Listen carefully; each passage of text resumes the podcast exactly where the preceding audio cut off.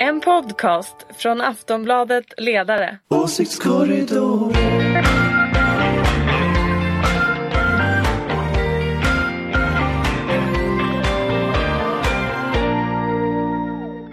Hej och välkomna till Åsiktskorridoren, en podd om politik från Aftonbladets ledarredaktion. Vi har kommit fram till slutet av september och den som har ett plommonträd att beskära börjar få bråttom nu. I rikspolitiken är det också brådska som råder.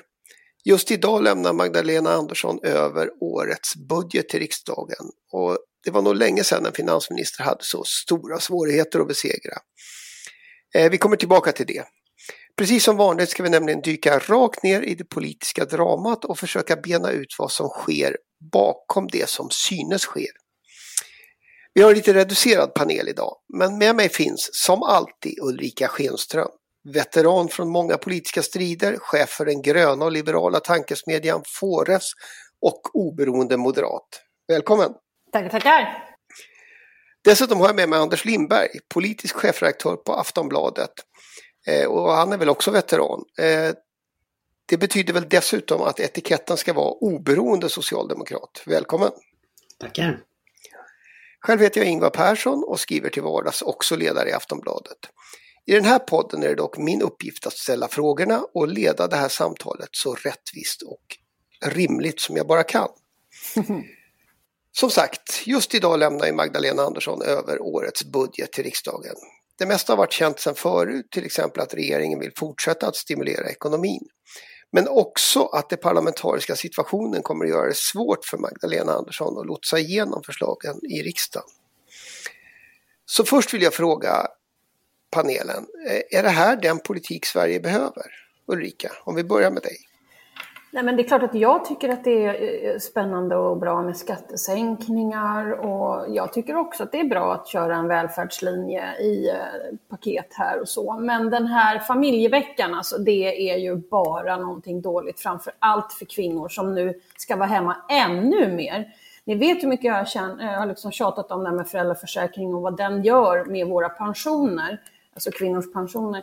Och här ska då helt plötsligt återigen ett skattefinansierat bidrag som kommer att leda till att många av de kvinnor som har dåliga äh, pensioner faktiskt till och med äh, blir fattigpensionärer. Så jag vet inte riktigt, det kanske är trevligt här och nu, men äh, det som komma skall när de blir äldre, jag tror, det är, jag tror det är feltänkt, men jag tror att detta naturligtvis är lite valfläsk, så att säga. Så att den här ska väl införas i april 2022, så det är väl jättebra liksom eh, för, för S kanske eh, att, att köra ut den där. Men jag tror att den, den är lika farlig eh, i kombination med, med hur den slår. Jag måste, jag måste ändå bara fråga, eh, en sak som inte har diskuterats så mycket är ju att det här faktiskt är en individualiserad reform. Det är något som du har efterlyst när det gäller föräldraförsäkringen. Mm, men jag tror ändå inte att vi ska bjuda på ännu fler eh, oarbetade dagar. Jag tror inte det blir bra när det gäller pensionen. Och jag är ju ute efter individualiserad på grund av att jag tror att eh, det kommer att leda till att lönenivåerna mellan kvinnor och män blir bättre. Alltså att det inte blir så skevt. Även för de kvinnor som inte har valt att skaffa barn hamnar ju också i, i liksom fel lönenivå. Så att det där tror jag är jätteviktigt och jag tror att det här adderar ännu mer till just detta. Och då tänker jag främst på underlaget för pensionerna. Ja. Anders, du är heller inte så där eh, översvallande över just familje... Är det möjligen så att du håller med mig, Anders? Är det så? Nej, det vet jag inte. Inte dina argument för den, även om jag förstår argumentationen om, om individualiserad föräldraförsäkring. För det tror jag är helt riktigt, att det är en, en, ett jämställdhetsproblem att, att den inte är individualiserad. Då tar kvinnorna ut mycket mer. Eh, men, men jag tror att eh, eh, budgeten som helhet tycker jag är en väldigt spännande budget och jag tycker också att det är spännande att den är så expansiv. Att, att man på något sätt blåser på och går man tillbaka till 2018 så var det ju 40 miljarder i reformutrymme. Nu är det 74 miljarder i nya reformer och det är klart att det här är nästan dubbelt så mycket. Så det, det jag tycker det är spännande och jag hoppas att man orkar hålla i. Eh, för det brukar alltid bli debatt just om det här att man vill dra ner eh, på takten på krispolitik väldigt snabbt när man är ur en kris. Och då permanentar man delar av krisen. Sen, sen tycker jag ju att just familjeveckan som förslag har jag ju aldrig varit särskilt positiv till. Utan jag ser ju väldigt stora behov i äldreomsorg och sjukvård där jag hade hellre lagt de pengarna. Eh, men jag menar som helhet så tycker jag det är en bra, bra eh, liksom avvägning mellan olika intressen. Det tycker jag. Men, men den här eh, expansiva budgeten, kommer den att ifrågasättas av, av den politiska oppositionen? Vill inte oppositionen också ha 74 miljarder att arbeta med? Frågar du mig det så tror jag ju att de kommer att vilja sänka skatten för pengarna. Eh, men jag kan också tänka mig att de kommer att lyssna lite på de här eh, alltså ekonomiska experter. Och ekonomiska experter har ju nästan alltid fel. De säger ju nästan alltid liksom för tidigt att man ska bromsa efter kriser och för sent att man ska stimulera i kriser och sådär. De är ju i regel inte experter utan de är ofta knutna till banker eller vad det är som de jobbar på. Men de har ju helt andra kommentarer, bankekonomerna. Men om du lyssnar på många nationalekonomer som inte är kopplade till några banker så är ju de, brukar de ju säga också att man kan betala sig ur krisen. Så att Ja, konjunkturinstitut och sådana brukar väl tycka att man ska ha stram finanspolitik väldigt ofta i alla fall. Och det, jag, jag tror ju att den här Alltså det finns ett skifte från 90-talet där sossarna har varit väldigt fast i 90-talskrisen och sett att man kan aldrig låna till, till, eh, till budgeten. Man måste alltid arbeta för lägre statsskuld och så vidare. Det har man ju frångått under eh, Corona. Och jag är ju ganska glad för det. Jag, tänker, jag hoppas att det här blir någon ny liksom, socialdemokratisk budgettradition som vi ser här. Och då kanske man i framtiden till och med kan låna till investeringar. Eh, och, alltså det finns en, ett skifte ändå politiskt som jag tycker är spännande. Och det tror jag nog att oppositionen kommer att angripa. Eh, det skulle förvåna mig om de inte gör det. Sen kommer ju Vänsterpartiet att säga inte nog, vi vill ha mer till allt. Eh, Centern kommer ju att säga att de vill ha mer på sina hjärteområden och inte tycka att det är okej. Okay. Vi såg ju igår när de var med i TV att, att det blir eh, väldigt komplicerat att reda ut den där historien. Eh, så att jag menar, den här budgeten är ju inte i hamn än. Det kan ju mycket väl vara så att den här budgeten ställs mot en MKD reservation i finansutskottet och sen vet vi inte, eller till och med att det blir huvudförslag, men att sen vet vi inte fram till liksom voteringen vad som händer. Det kan ju mycket väl bli så. Du brukar ju säga att du räknar med att budgeten ändå ska gå igenom Ulrika. Ja, men det tror jag. Jag kan inte svara på tekniskt hur, jag, hur, det ska gå till, men jag tror inte att det kommer att bli något debacle. Det kommer att vara ett medialt debacle, men jag tror att budgeten kommer att gå igenom på ett eller annat sätt. Det finns ingen som är intresserad av att ha ett stort regeringshaveri nu, ett år före valet. Det tror jag inte. Jag tror att partierna faktiskt nästan längtar efter att få ha valrörelse. Och att då till exempel börja byta regering här och låt säga att, att, att, eh, oppositionen kommer i regeringsställning och så ska de bedriva valrörelse därifrån. Nej, men det går ju inte. Det förstår ju vem som helst. Särskilt när man inte har varit där tidigare eh, själva så blir det ju jättesvårt. Så jag tror att det finns liksom ingen drivkraft för dem för att, för att jävlas. Eh, även om jag tror att media kommer att eh, spela upp det så. Du har stor tilltro till liksom, eh, rationaliteten i politiken. Jo, men jag tror ändå inte att det blev ingenting i somras heller och det var, det, var, det var bråk i tv varje dag och det blev ingenting i alla fall. Om det hade varit i början på en mandatperiod så hade jag inte sagt så mycket. Men det här är slutet, så jag, jag tror ändå att det där kommer att gå vägen. Det jag däremot tycker är väldigt intressant och som också, och som också har hänt den senaste tiden, det är ju de här intervjuerna med Jimmy Åkesson där han säger att han vill bli statsminister, han är inte ett borgerligt parti, han eh, tänker inte rösta på M-budgeten. Jag tror snarare att det börjar bli debacle på ett annat håll. Eh, och hur det här ska gå till och hur, hur Jimmy Åkesson ska kunna stödja eh, Moderaterna och KD när han samtidigt vill de här sakerna. Så jag, jag tycker det är väldigt spännande utveckling där. Eh, och jag tycker ju att det är tjänstefel om man inte vill bli statsminister ifall man är partiledare. Så det är väl inte så konstigt att han vill bli det. Men jag tror att vi spanar alldeles för mycket på ena sidan och inte på andra sidan av politiken där det händer andra saker. Jag tycker det nästan är mer intressant.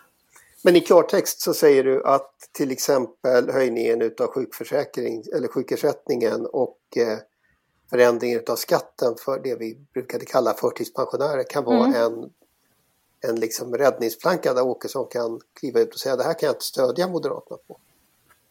Ja, det kan mycket väl gå till så. Men någonting är det ju som håller på att hända när han faktiskt går ut aktivt i stora intervjuer och säger att han vill bli statsminister.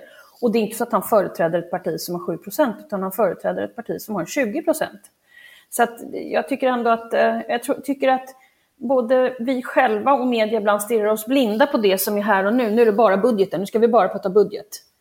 Jag tror man måste titta lite vad det är som händer på andra sidan för att se hur det där kan spelas upp. Jag tycker bara att det är lite spännande. Jag ser liksom som en liten... Så. Vad säger du Anders? Nej men det kan ligga mycket i det. Jag, jag, jag skulle ju hellre tro att budgeten går igenom än att den inte går igenom. Men, men det är klart att det finns ju ganska stora problem med det. Och ett av problemen är ju just att SD är så oförutsägbara. De kan vänta till, till voteringen med att meddela hur de ska rösta. Eh, och, och, det gör att man vet liksom inte. Den osäkerheten är ju inget bra för Sverige. Den skapar ju problem. Men eh, så det, det, är väl det liksom det tror jag är det knepiga. Sen så finns det ju en annan sak och det är ju att lite beroende på hur opinionsmätningarna utvecklas under hösten så kan ju Vänsterpartiet få, få lite problem. Alltså de ökade ju starkt i somras efter det här regeringskrisdebaclet. Nu har de gått ner igen. Och det är klart att det finns ju tryck i Vänsterpartiet mot att sätta hårt mot hårt mot regeringen. Eh, och, och, skulle man hamna i ett läge där Vänsterpartiet ser till att den här regeringen faller. Alltså det är klart att då, då har vi ett annat politiskt läge inför valet. För då har ju Vänsterpartiet släppt igenom Moderaternas budget. Eh, och det tror jag, det är ganska komplicerat för dem att göra det. Eh, Centerpartiet däremot, där tycker jag när man lyssnar på dem, Alltså om SD lägger ner rösterna och inte röstar för Moderaternas budget, då kan ju faktiskt Centerpartiet i lugn och ro lägga ner rösterna i förvissning om att SD inte stödjer den budget som, de, som i så fall går igenom. Så att, så att det, det, är en väldigt komplicerad sits. Magdalena Andersson ska liksom få med båda de sidorna. Och sen till råga på eländet då, eh, Miljöpartiet som ju pratar om, om eh, de har liksom en egen dagordning och mår allt sämre steg för steg för steg i den här regeringen. Så att jag tror att liksom båda sidorna är i någon slags total upplösning just nu, vilket är väldigt intressant att se. Mm. Eh, därför att när det händer så vet man ju att råttorna lämnar ju alltid båten liksom först. Och det är frågan om vem är det på de olika sidorna? Alltså vem är det som hoppar av det här? Det är klart SD ligger ju risigt till på den ena sidan men ja, det blir intressant att se liksom hur, hur, eh, hur spelet spelas. Magdalena Andersson har ju lärt sig det här under väldigt många år. Hon har ju erfarenhet, mycket mer erfarenhet än vad någon av de andra har egentligen. Även om hon inte varit statsminister. Så att eh, hon kan säkert som Löfven gjorde spela ut allihopa mot varandra och sen stå själv som segrare. Det skulle inte förvåna mig. Total upplösning och råttor som lämnar båten. Jag vet att jag använde just den där bilden med råttor som lämnar båten i någon text för mycket länge sedan. Det blev ett herrans liv eftersom folk då kände sig utpekade som råttor. Så vi kan väl påpeka för lyssnarna att vi menar inte bokstavligen. Eh, men total upplösning, det är samma, den sammanfattande poängen. Nej, men det, det, det, finns ju ett scenario som är ett skojsigt scenario tycker jag och det är att man, man tänker så här. Ja, tänk om det är så att Miljöpartiet inte vill sitta i regeringen när valrörelsen är. Tänk om det är så att Sverigedemokraterna inte vill att regeringen faller. Eh, tänk om det är så att Kristersson inte vill bli statsminister. Eh, tänk om det är så att eh, Eh, KD inte orkar under hösten därför att det här partiledaren trots allt har varit med om en skandal för mycket. Alltså det, det finns ett antal sådana frågor man kan ställa sig. Eh, Kristersson har ju från början sagt att, han, att den här regeringen är illegitim i princip och att han när som helst ska kunna bli statsminister. Och så varje gång han har fått chansen så har han misslyckats alltså, man vet ju liksom inte riktigt vad de där korten spelar. Men anta, ta ett av de sakerna. Anta att Miljöpartiet faktiskt inte vill gå in i valrörelsen som regeringsparti. De har ligger så dåligt till så de vill hitta en orsak att hoppa av regeringen. Det finns massor av orsaker de kan hitta om de vill.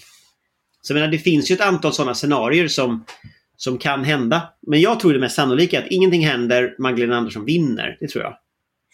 Men ska vi ta den här frågan om eh, Miljöpartiets språkrör Märta Stenevi som ju i en intervju har hotat med att lämna regeringen om Centern får igenom sina förslag om strandskydd och skogsvård och sådär. Är det ett seriöst hot Ulrika? Nej. Jag tror ju aldrig på de här hoten. Om man verkligen vill hoppa av, då behöver man inte berätta det för media, utan då hoppar man av. Eh, ja. Och sen kanske man ringer och pratar med den man hotar och säger att vi kommer att hoppa av ifall ni går igen, tar det här. Det här när man ska hela tiden förhandla och prata med media emellan, det blir liksom inget bra. Utan ja, det känns bara... Nej. Men för att det inte blir bra är väl inte säkert att det inte händer? Ja, men jag tror inte att det kommer hända. Anders, du är inte så säker, eller? Nej, men jag tror att det är lite som, eh, som vi diskuterade i våras, det här med Tjechovs pistol. Att har du hotat att liksom, det som inte på något sätt ingår i historien ska heller inte vara där. Men det som ingår i historien kommer förr eller senare att behöva användas. Så lägger du en pistol på bordet i akt 1 så kommer den att användas senast i akt 3. Och grejen var den att vad Nooshi Dadgostar gjorde väldigt effektivt var att hon la en pistol på bordet i akt 1 och sa hyresreglering eh, och går ni vidare med det så skjuter vi. Och sen gick de vidare med det och så sköt hon. Och nu gör liksom miljöpartisterna samma sak. De lägger en på bordet här. De säger att, att eh, strandskyddet eh, och skogen, där drar vi gränsen. Okej, okay, nu ligger pistolen på bordet. Kommer de också driva fram det här till den punkten de måste skjuta? Jag vet inte, men de gör samma sak som Vänsterpartiet. Och om jag var miljöpartist och liksom satt på deras kammare och funderade så skulle jag ju kasta rätt avundsjuka blickar på Nooshi Dadgostar. Som ju faktiskt fick igenom sin vilja eh, med de här hoten samtidigt som deras människor sitter och förhandlar till döds. Så det är inte helt ologiskt att de då börjar fundera på, ja ah, men om, om det funkar för V då kanske vi också kan. Eh, så. Så jag tror att det är det vi ser i, i MP. Och det tar ju, och V tappar ju kontrollen över den historien. Eh, det var ju direkt så att Åkesson slängde in ett misstroende och sen satt de ju där. Eh, det är ju samma sak som kan hända med, med Miljöpartiet, att man tappar kontrollen över det. Liksom. Tänk om Centern synar korten. Vad ska man göra då? Hoppa av? skiter ju Centern i liksom. Så att, och vad, händer, vad händer i så fall? Ja, då hoppar de ju av. Nu tror jag Centern är ett ansvarstagande parti som inte gör det, men, men, men eh, det är också mina, mina fantasier. Varför skulle de bry sig om om det går bra för sossarna och för Miljöpartiet? Det är klart de inte gör. De är ett borgerligt parti. Men de bryr sig om skogsägare och strandskydd? Ja men lite är det väl så. Alltså 30-talet, de brydde sig inte så, de brydde sig säkert om arbetslösa då också. Men de brydde sig framför allt om, om vad var det, mjölksubsidier på den tiden. Margarinaccisen. Margarinaccisen var det. Eh, alltså det är liksom, det, så, att, så att varför skulle de backa för att MP hotar S? Alltså det, det finns liksom, det finns ingen logik i detta. Centern är ju ytterst ett intresseparti för bönder. Och skogsägare. Och bönder som äger skog. Så jag menar, det finns, jag, jag, vet inte. Miljöpartiet gör lite som Vänsterpartiet gjorde. Och det, ja, vi får inte, väl se om de vågar då. Jag är inte så säker på det. Därför att jag är de är ju mindre än V.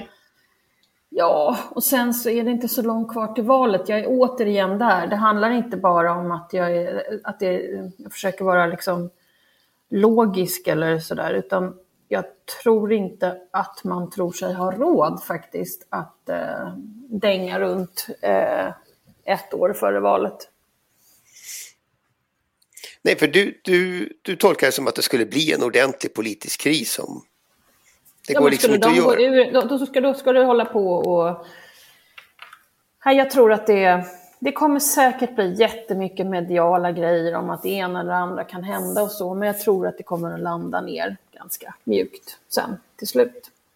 Just när det gäller det här miljöpartihotet så finns det väl en en bakgrundshistoria också där, som handlar om vem som företräder partiet och vilken roll partiorganisationen och partistyrelse och sånt där eh, har. Eh, för det tycks väl som det finns ett, ett, tryck i själva Miljöpartiet, i deras partistyrelse. Men Ingvar, du får gärna berätta den, den bakgrunden, för den vet inte jag vad, jag, vad du pratar ja, om. Alltså, det sägs väl att, eh, att man faktiskt var överens om den här uppgörelsen eh, i partiledarkretsen. Mm. Men att Miljöpartiet, eh, hela det här liksom debaclet om huruvida det fanns en uppgörelse med Centern eller inte. Eh, ja, var... det kan ju vara så att partiet har blivit förbannat. Ja, absolut. Ja. Det har ju hänt förr i alla partier. Ja. Eh, och där tänker jag att det sådana där saker är också lite oberäkneliga i ett sånt här skeende. Ja, jag tänker att, att jag, jag har ju pratat med folk om den där historien och källor till mig har ju sagt att, att att det egentligen inte fanns någon kontrovers innan, eh, innan miljöpartisterna gick till sin partistyrelse. Eh, utan, eh, och inte om de här frågorna i egentlig mening heller. Alltså det här oerhörda tonläget kring skogen och, och sådär. Strandskyddet har det väl alltid funnits viss, viss fråga om. Men, men, men, samtidigt, det är ju frågor som har funnits under ganska lång tid. Så positionerna är ju liksom rätt satta. Så jag förstår ju Miljöpartiet också att de, för dem är ju det här väldigt liksom, ideologiskt viktiga frågor. Och tittar man på i sak, jag menar om vi tar den här frågan om strandskyddet. Eh, idén att vi ska bygga nära vatten samtidigt som vi har extremväder som spolar bort just hus nära vatten. Det har vi sett från Tyskland inte minst. Men vi har ju samma typ av extremväder i, kan vi få här. Själva idén med att bygga närmare vatten är ju jättekorkad. Så man kan ju verkligen fråga liksom hur Centerpartiet har tänkt ut idén att man ska ha den typen av liksom, ny, nybyggnation. Varför är just det, det prioriterat? Liksom? Det är ju jättekonstigt. Du, du, tror inte på att överlämna den här till kommunalpolitiker runt om i landet som Nej, det tror jag är det sista vi ska göra. Jag tror kommunalpolitiker som vill locka rika stockholmare för att komma och bosätta sig nere vid eh, någon bäck någonstans eller längst ut på någon ö eller någonting. Det tror jag är sinnesrubbat. För det där kommer att hamna under vatten nästa översvämning. Och jag tror kommunpolitikerna de, har ju, de kompromissar ju naturligtvis med vilka kapitalintressen som helst. Så jag tror det är jättekorkat. Jag tror dessutom att det redan tyvärr finns i väldigt många kommuner byggnationer och planer på byggnationer som ligger antingen direkt hotade av eh, eh, översvämningar eller som bokstavligen hamnar under vatten om vattennivån skulle stiga en mindre bit. Så jag tror snarare man ska bygga längre från vatten med alla extremväder som kommer ett lite annat argument än allemansrätten. Men... Eh, ja, det är ett annat argument än allemansrätten. Men ärligt talat, det är faktiskt helt sinnesrubbat. Vi såg i Tyskland i somras när vi fick riktiga översvämningar. Eh, och nu är det lite annan geografi där, men om vi kollar som Mellansverige så finns det ganska många vattendrag som inte skulle klara några vidare höjningar utan att de skulle eh, hamna i bebyggelse redan nu. Och att då bygga ännu mer bebyggelse nära vattenkanten tycker jag låter väldigt dum faktiskt. En sista fråga om, om, eh, om det här med Miljöpartiet bara. Eh, om nu nästa socialdemokratiska partiledare, låt oss gissa att hon heter Magdalena, eh, får bilda en regering utan gröna ministrar. Är det en stor förlust? Anders? alltså, en svagare, ju svagare regeringen blir desto större blir naturligtvis problemen med att få igenom sin politik. Och på det sättet var ju januariavtalet bra. Eh, där var också koalitionen med Miljöpartiet bra. Eh, en socialdemokrati som samlar under 30 procent och ska bilda regering själv blir väldigt, väldigt svag. Det kommer man inte ifrån. Men det är klart att liksom, det är ju attraktivt att en regering får lägga fram sin egen politik bara och slippa förhandla med någon överhuvudtaget. Och det finns ju rätt många frågor som en sån regering i så fall skulle driva igenom snabbt. Eh, arbetskraftsinvandringen skulle man ju ganska snabbt ändra till exempel. Eh, man skulle ju säkert hantera ganska mycket frågor kring integration och, och eh, kring, kring, även kriminalpolitik eh, helt annorlunda än vad man gör idag. Ehm, och, och, det är klart att det är många socialdemokrater som skulle vilja det. Så om Miljöpartiet hoppar av, då ska de ju räkna med att det är den politiken den här regeringen ganska snabbt kommer att lägga på riksdagens bord. Ehm, och det vet de ju. så att, så att det tror jag kanske svalnar lite avhoppningslusten. Vad tänker du Ulrika? Skulle, skulle det vara lättare att, att regera eh, för en, en enpartiregering? Ja, alltså Socialdemokraterna är ju experter på det, så att, um, och jätteduktiga på det. Men um, ja, det är en hypotetisk fråga, men det är klart att då blir det ju ett väldigt hattande till riksdagen hela tiden. Så att, nej, jag säger nej. Du säger nej? Ja. ja men, men det, det bästa, jag tror att det bästa vore om man kopierar lite vad Alliansen gjorde.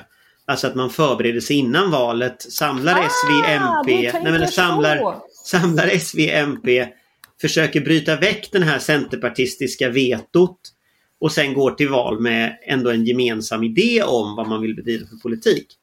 Eh, och det kanske inte funkar nu men som en långsiktig idé så är ju SVMP ideologiskt en naturlig liksom, gruppering. Så jag tror ju inte att det blir en, enbart en socialdemokratisk regering oavsett. Eh, men på lång sikt så hoppas jag att det blir en bredare koalitionsregering som kan driva vänsterpolitik. Det tror jag vore bättre. Men rent generellt så är det ju så, om man förbereder sig så är man alltså förberedd. Vilket gör att också väljarna får en information om vad man tänker genomföra. Det är ju fantastiskt! Vilken, vilken grej! Idé. Va? Alltså, vilken, vilken idé. Men du, satt inte du i Moderaternas partistyrelse för ett tag sedan? Mm, jo, och jag har talat om för dem allihopa att det finns något som heter reformprogram innan valet och även en färdigförhandlad budget. Fattar ni? Vilken grej! De verkar inte ha lyssnat så jättemycket på det. Då. Nej. Nej, det gör de inte. Så är det ibland. Eh, hur, hur kloka saker man än Men jag tycker en ganska intressant säger. fråga som börjar komma nu som vi inte har pratat om men som vi borde prata om någon gång. Det är ju vad händer med Moderaterna om Ulf Kristerssons projekt går i sjön? För nu börjar det ju se ut som att sossarna får ändå sin struktur ihop. Va? Ny partiledning. Eh, just nu så är liksom borgerligheten, de har väl kanske ja, de är väldigt splittrade. Det är väldigt mycket problem. Moderaterna verkar ha väldigt mycket problem. Eh, Ebba Busch kommer ju få ägna hösten åt sin rättegång vidare. Eh, alltså, det kan ju faktiskt bli så att sossarna vinner det här. Ja, liksom. det är inte omöjligt. Om de då liksom. också var förberedda. Ja, nej, men, det, men det är inte omöjligt att de vinner. Och då blir det intressant, vad händer med, med, med, Moderaterna i det läget? Hela Ulf Kristerssons projekt har liksom byggt på att han är legitim statsminister och sossarna är illegitima. Och nu har han misslyckats i varenda politisk strid han har tagit under men. Men nu börjar du komma till där torskar. vi började. Ja, ja jag men vet. då har du ju Jimmy Åkesson där. Han vill ju bli statsminister nu och inte rösta på M-budget och har också sagt att han inte är ett borgerligt parti. Så jag förstår ingenting. Det är, det är så. Vi ska säga till lyssnarna att, att eh, Anders ser mycket belåten ut när han säger de här ja, men Jag var helt övertygad om i våras att det här skulle gå åt skogen och att S skulle förlora. Jag var helt men övertygad. Men inte ropa hej ännu. Nej, men jag har gått från att vara helt övertygad om att det är kört till att tänka att det kan gå. Det är inte att ropa hej än. Men snart ska jag ropa hej. Men jag är inte än. Än så länge tror jag fortfarande att det är mer chans att det går åt pipan. En sista fråga innan vi slår igen veckans avsnitt av Åsiktskorridoren. Det har ju varit eh, val till Svenska kyrkans styrande församling, kyrkomötet, eh, igår. Och valdeltagandet blev hyggligt även om det fortfarande är väldigt lågt jämfört med andra val. Socialdemokraterna blev den största nomineringsgruppen som det heter i kyrkan. Eh, men störst framgång har faktiskt vänstern haft. Eh, dessutom lyckas, som det ser ut, de högerextrema Alternativ för Sverige knipa några mandat. På, och det gick på, inte så bra för Sverigedemokraterna. Nej, jag var helt inte övertygad att det skulle gå jättebra. Jag fattar inte varför. Ah, Nej, mm, jag hade helt fel bedömning där. Bara, sånt, alla sånt händer. Det. Men, eh, och det noterar vi förstås. Eh, min, min fråga blir egentligen väldigt enkel. Finns det någon anledning för oss att bry oss om kyrkovalet, Ulrika? Ja, så jag tycker ju egentligen inte att det ska finnas partipolitik i kyrkan. Så att, eh, men det är ju ganska intressant ändå att se tendenser. Så, eh, det får man väl säga. Anders? Nej, men jag, tycker det, jag, tycker, jag, jag tycker kyrkovalet är intressant. Eh, lite utifrån hur kyrkan styrs och vad den ska ha för inriktning och sådär. Det tycker jag ju är, är intressant eh, i sak. Jag, jag, tycker ju att man ska ha en folkkyrka som är öppen. Eh, och jag tycker ju den här typen av mer reaktionär, liksom bakåt, konservativ kyrkoopinion som ju finns i delar av landet. Jag tycker, ganska, jag tycker den är väldigt svår, svår att ha att göra med. Jag, jag, jag är ju från Göteborg och där är ju den typen av kyrka väldigt stark. Någon slags högkyrklighet. Och som har varit väldigt konservativ under väldigt många år och som jag har väldigt svårt för. Och som jag ser komma tillbaka nu i kyrkan. Och det vill jag ju motarbeta. Liksom. Men sen så, sen så tror jag ju att det, om jag ska ta några takeaways från liksom valresultatet. En är ju att, att eh, tittar man på alla de här partierna som liksom är uttalat opolitiska eller liksom opartipolitiska. Och då räknar jag inte sådana som borgerligt alternativ som kommer från Moderaterna eller VISK som kommer från Vänsterpartiet. Utan de som liksom är formade utanför det systemet så är det tre stycken. Det är POSK som är konservativa. det är frimodig kyrka som är ultrakonservativa och det är eh, öppen kyrka som liksom är progressiva. Kan man säga. Eh, Påsk gillar inte att man kallar dem konservativa därför att de hävdar att de i andra frågor inte är konservativa. Men jag ser ju liksom åsikterna att man vill ta bort det demokratiska systemet i kyrkan och att man eh, inte vill att homosexuella alltid ska få vigas av präster utan att präster ska kunna vägra detta. Det ser jag ju som en konservativ uppfattning så jag tycker de är konservativa ändå. Men de fick tillsammans de tre nomineringsgrupperna alltså mindre mandat än sossarna själva fick. Så att mer efterfrågan än så fanns det uppenbarligen inte på, på eh, den här antipartipolitiken i kyrkan. Och det tycker jag var intressant. Det är en väldigt tydlig markering från medlemmarna att man vill att alla partier ska få ställa upp. Man vill inte ha bort liksom, de politiska partierna på det sättet. Och det tycker jag var intressant att se. Sen är ju den stora takeawayen naturligtvis sakpolitiskt att Vänsterpartiet fördubblade sina mandat. Och det är nog faktiskt ganska unikt. De gick från 9 till 18 mandat. Det är en jätteskillnad. Så de, den stora segraren det är Vänsterpartiet. Eller VISK som de heter då i kyrkan.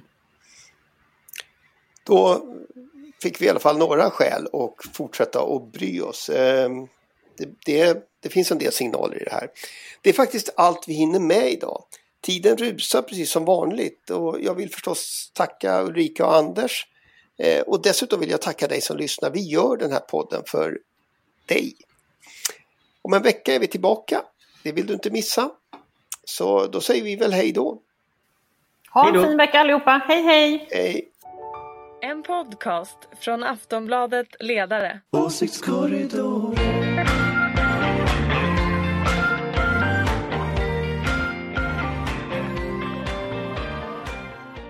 Du har lyssnat på en podcast från Aftonbladet.